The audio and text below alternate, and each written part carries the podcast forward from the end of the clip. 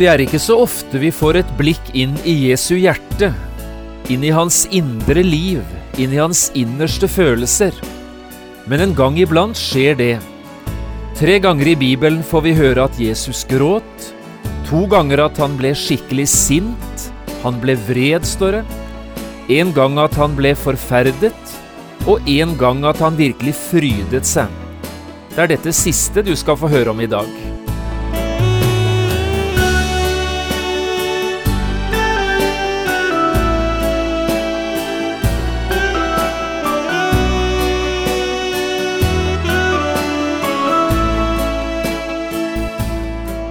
Hjertelig velkommen til et nytt program i serien Vindu mot livet. Programmet er produsert av Kristen Riksradio og blir ledet av Jon Hardang. Dette programmet er produsert med støtte fra Havila AS.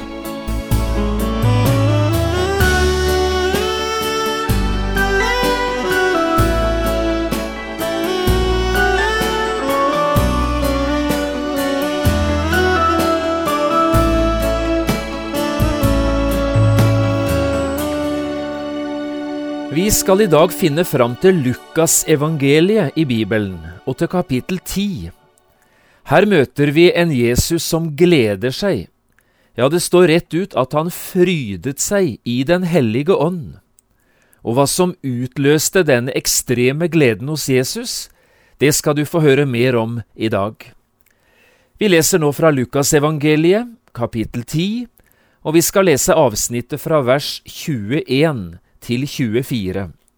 Jeg har kalt dagens program Øyne som ser. I samme stund frydet han seg i Den hellige ånd og sa, Jeg priser deg, Far, himmelens og jordens Herre, fordi du har skjult dette for de vise og forstandige, og åpenbart det for umyndige. Ja, Far, for så skjedde det som var til velbehag for deg. Alle ting er overgitt til meg av min far.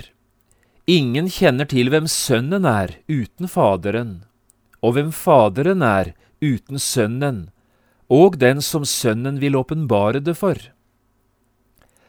Da Jesus var alene med disiplene, vendte han seg til dem og sa, Salige er de øyne som ser det dere ser. For jeg sier dere, mange profeter og konger har ønsket å se det som dere ser, men fikk ikke se det, og høre det som dere hører, men fikk ikke høre det.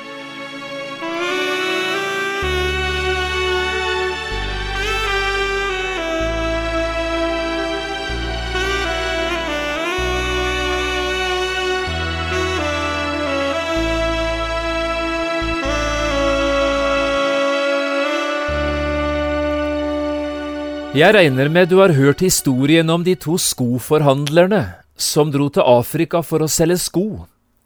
Dette er en gammel historie og sannsynligvis også en oppdiktet en, men jeg syns den er god likevel.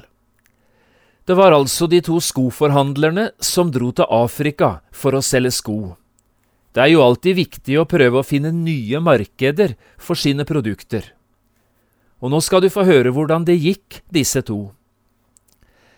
Den ene skoforhandleren kom til Afrika, men oppdaget fort at ingen i denne delen av Afrika gikk med sko.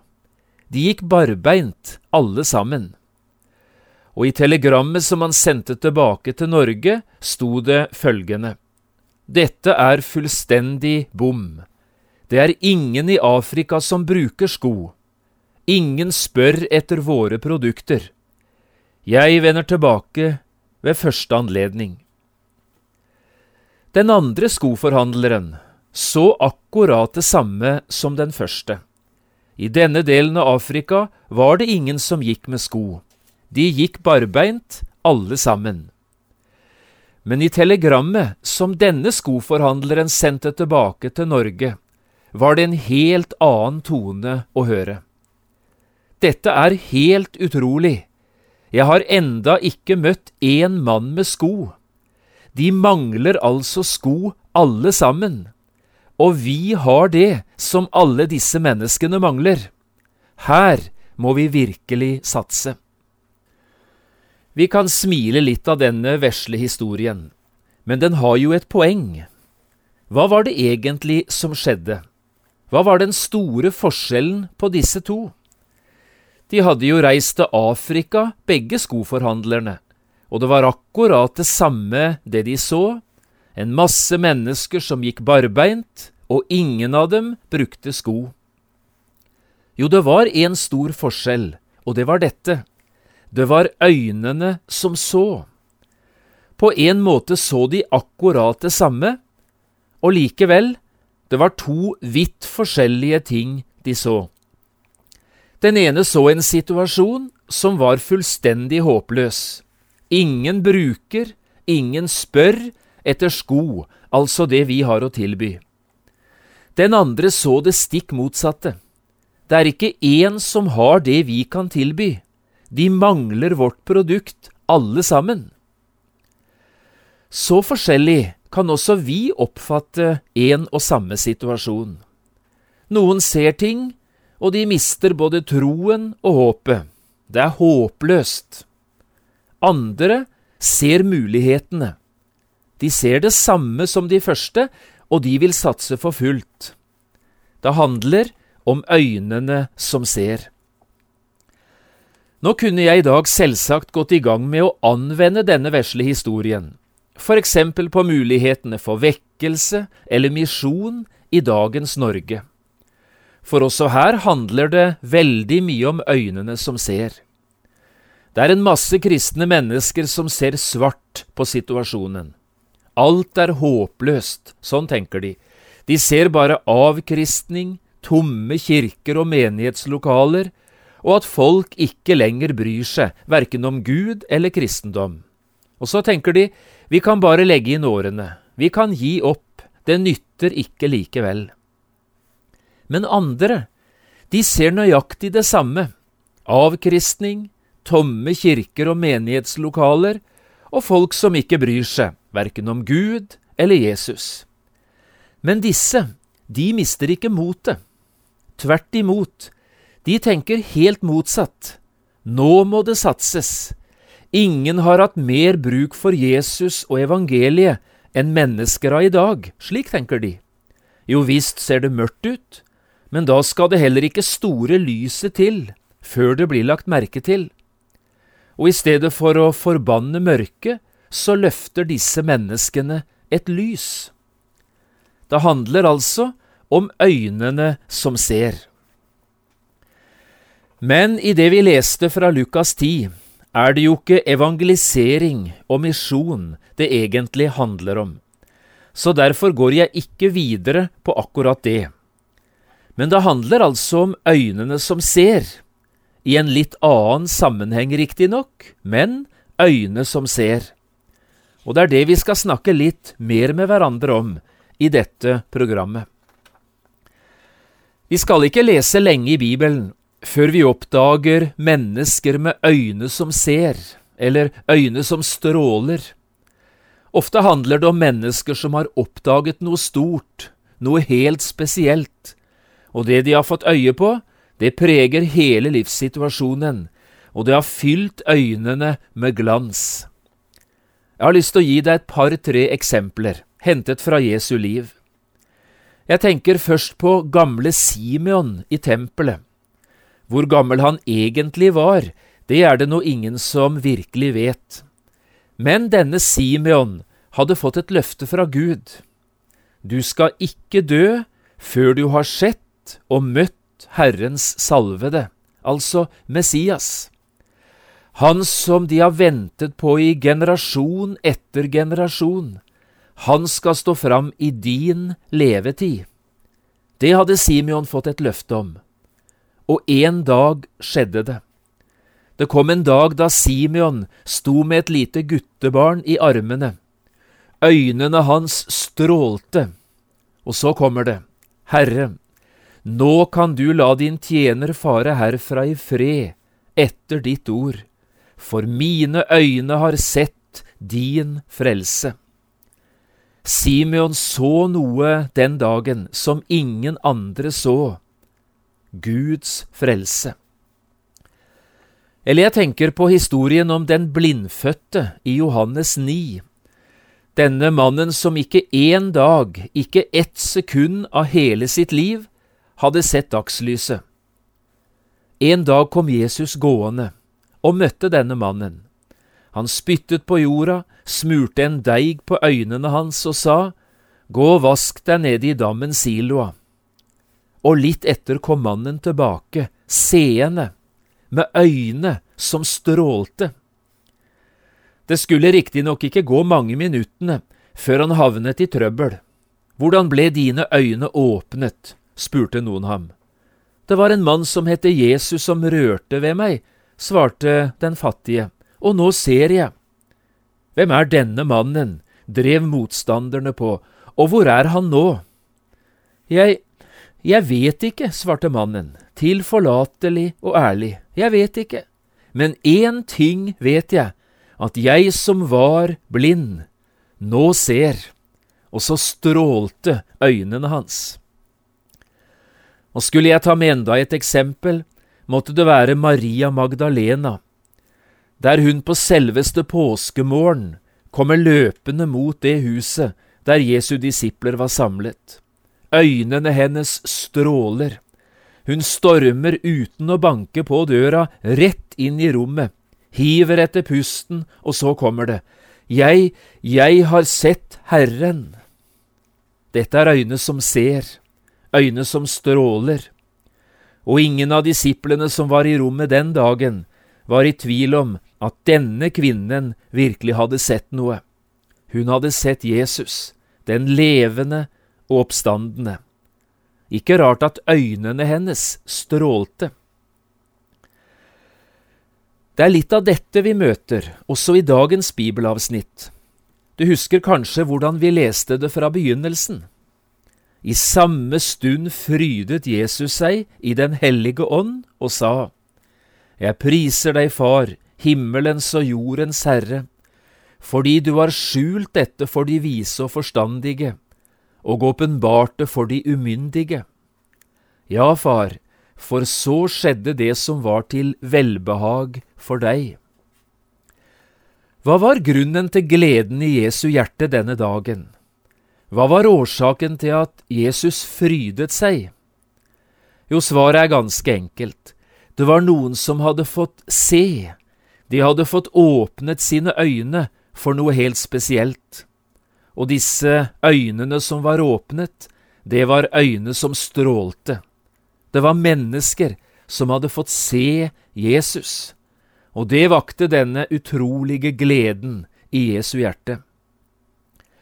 Litt lenger ned i det bibelavsnittet vi leste, sier Jesus det rett ut. Salige er de øyne som ser det dere ser.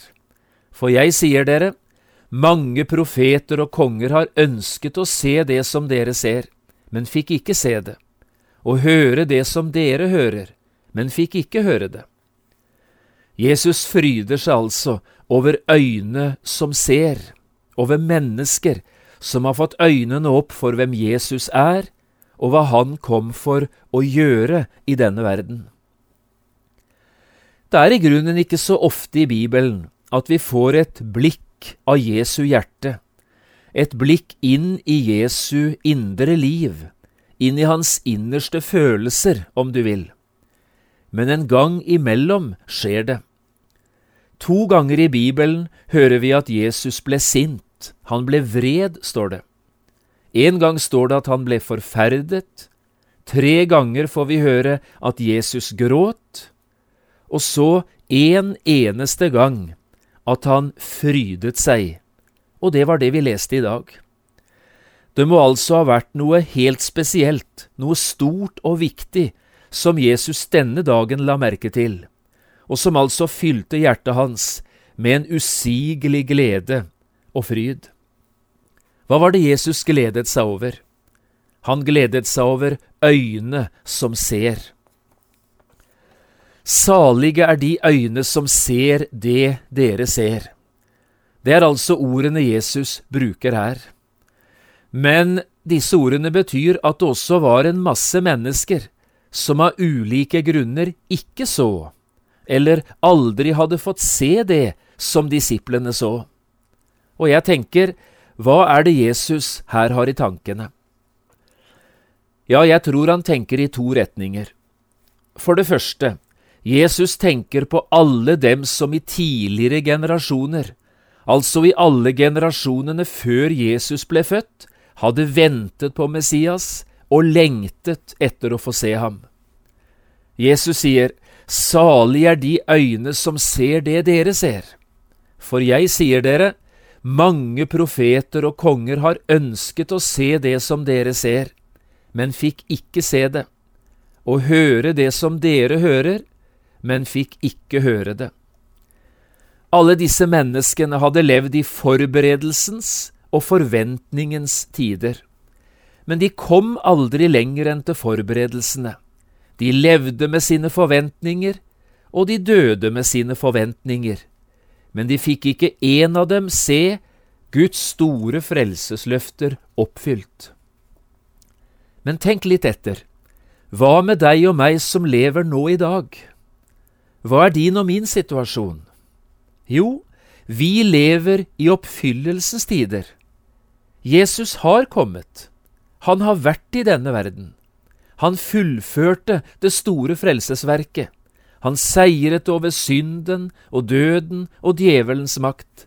Og nå i dag sitter han ved Guds høyre hånd, som herre over levende og døde, og har all makt i himmel og på jord.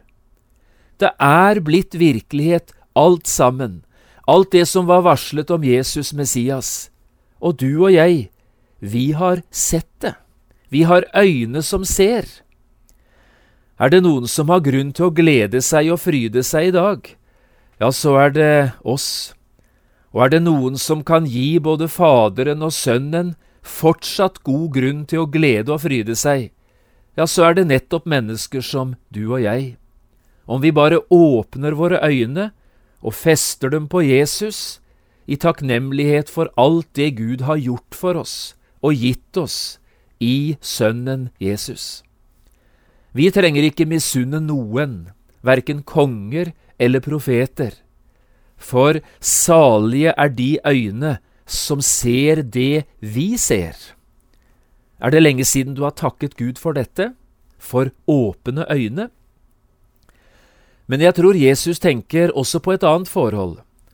At noen mennesker får se Jesus, det skyldes ikke deres menneskelige fortrinn, ikke klokskap, dyktighet, intelligens eller fortjeneste. Det er ikke menneskenes egne prestasjoner eller fortrinn som åpner evangeliet for et menneskehjerte. Det er ikke slik vi får øye på sannheten om Jesus. Tvert imot. Og du hørte hva Jesus sa, ikke sant? Jeg priser deg, Far, himmelens og jordens Herre, fordi du har skjult dette for de vise og forstandige, og åpenbarte for de umyndige. Ja, far, for så skjedde det som var til velbehag for deg. Dette må vi lese riktig. Det betyr ikke at intelligente, kloke mennesker ikke har mulighet til å få øye på Jesus, eller oppdage sannheten om Guds store frelse.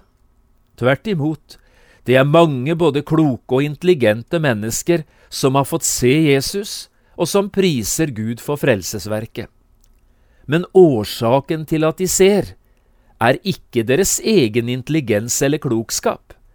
Det skyldes tvert imot Gud og Hans åpenbaring. Det kom en dag da Gud trakk sløret til side, viste fram Jesus og hans store frelsesverk. Og dette fikk disse kloke menneskene se med sine øyne og gripe med hjertet. De er fortsatt både kloke og intelligente mennesker, men det er ikke derfor de er frelst. Det skyldes bare Guds ord og Jesu ånd. Eller for å bruke Jesu egne ord i dagens tekst, Gud har selv åpenbart det for de umyndige, altså for mennesker som ikke selv hadde forutsetninger for å kunne forstå dette. Vet du hva dette betyr? Det betyr at alle mennesker, uansett, har like store muligheter for å bli frelst. Fattig og rik, klok og enfoldig, ung og gammel. Er ikke dette noe å takke Gud for? og glede seg over også i dag. Dette er i alle fall noe som behager Gud, og da skulle det gjerne også være til glede og til fryd for våre hjerter. Hvem som helst kan bli frelst, som til Gud seg vender. Dette bud Herren Gud ut i verden sender. Og la oss så til slutt sette tydelige ord på hva det er et menneske må få øye på om det skal utløse denne ekstreme gleden i Guds hjerte. Hva er det som er så viktig med Jesus? Hva er det spesielle med Jesus til forskjell fra alle andre? Jo, også det setter Jesus ord på i bibelavsnittet vårt. La meg nå til slutt få lov å sitere vers 22. Alle ting er overgitt til meg av min far, sier Jesus. Ingen kjenner til hvem Sønnen er uten Faderen, og hvem Faderen er uten Sønnen og den som Sønnen vil åpenbare det for. Hva betyr dette? Ja, det betyr iallfall to ting. På den ene siden, Gud forholder seg til én eneste person når det gjelder de viktigste livsspørsmålene. Han forholder seg til Jesus. Gud har gjort seg kjent for oss i Jesus. Skal du og jeg altså lære Gud å kjenne, virkelig se og forstå hvem Gud er, ja, da må vi gå til Jesus, høre Jesu ord, se på Jesu liv, for slik som Jesus var, slik er Gud. Og Gud har altså også åpnet en frelsesmulighet for oss mennesker i Jesus. Det finnes en vei tilbake til det tapte paradiset. Det finnes en mulighet for det evige livet. Men det finnes bare én slik mulighet, og den muligheten, den er gitt oss i Jesus. Gud forholder seg altså bare til Jesus. Men da må du og jeg også si det til oss selv og til hverandre. Hvis Gud bare forholder seg til Jesus i disse viktige livsspørsmålene, ja, da må sannelig også du og jeg gjøre det. Skal vi lære Gud å kjenne? Ja, la oss se på Jesus. Og vil vi lære Gud bedre å kjenne? Ja, så handler det om å gjøre seg bedre kjent med Jesus. Ønsker du som hører dette å bli frelst? Ja, da skal du gå til Jesus. Ønsker du å finne fred med Gud i en god samvittighet? Er det Jesus du må venne deg til? For dette er det bare Han som kan gi et menneske del i. Jeg tror faktisk det er tid for å synge, eller kanskje be. Sett meg så jeg ser deg, Jesus. Still deg foran meg, så at mine trette øyne hvile kan på deg. Når det skjer, blir et menneske frelst.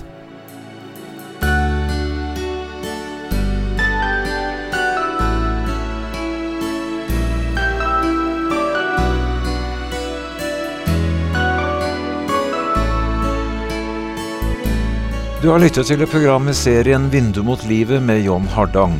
Programmene i denne serien kan også kjøpes på CD fra Kristen Riksradio, eller høres på internett på p7.no. Har du spørsmål eller kommentarer til det du nå har hørt, kan du ta kontakt med oss. Adressen er Kristen Riksradio, Skiene 2, 5353 Straume, eller send en e-post vmlalfakrøll p7.no. Takk for i dag, og på gjenhør.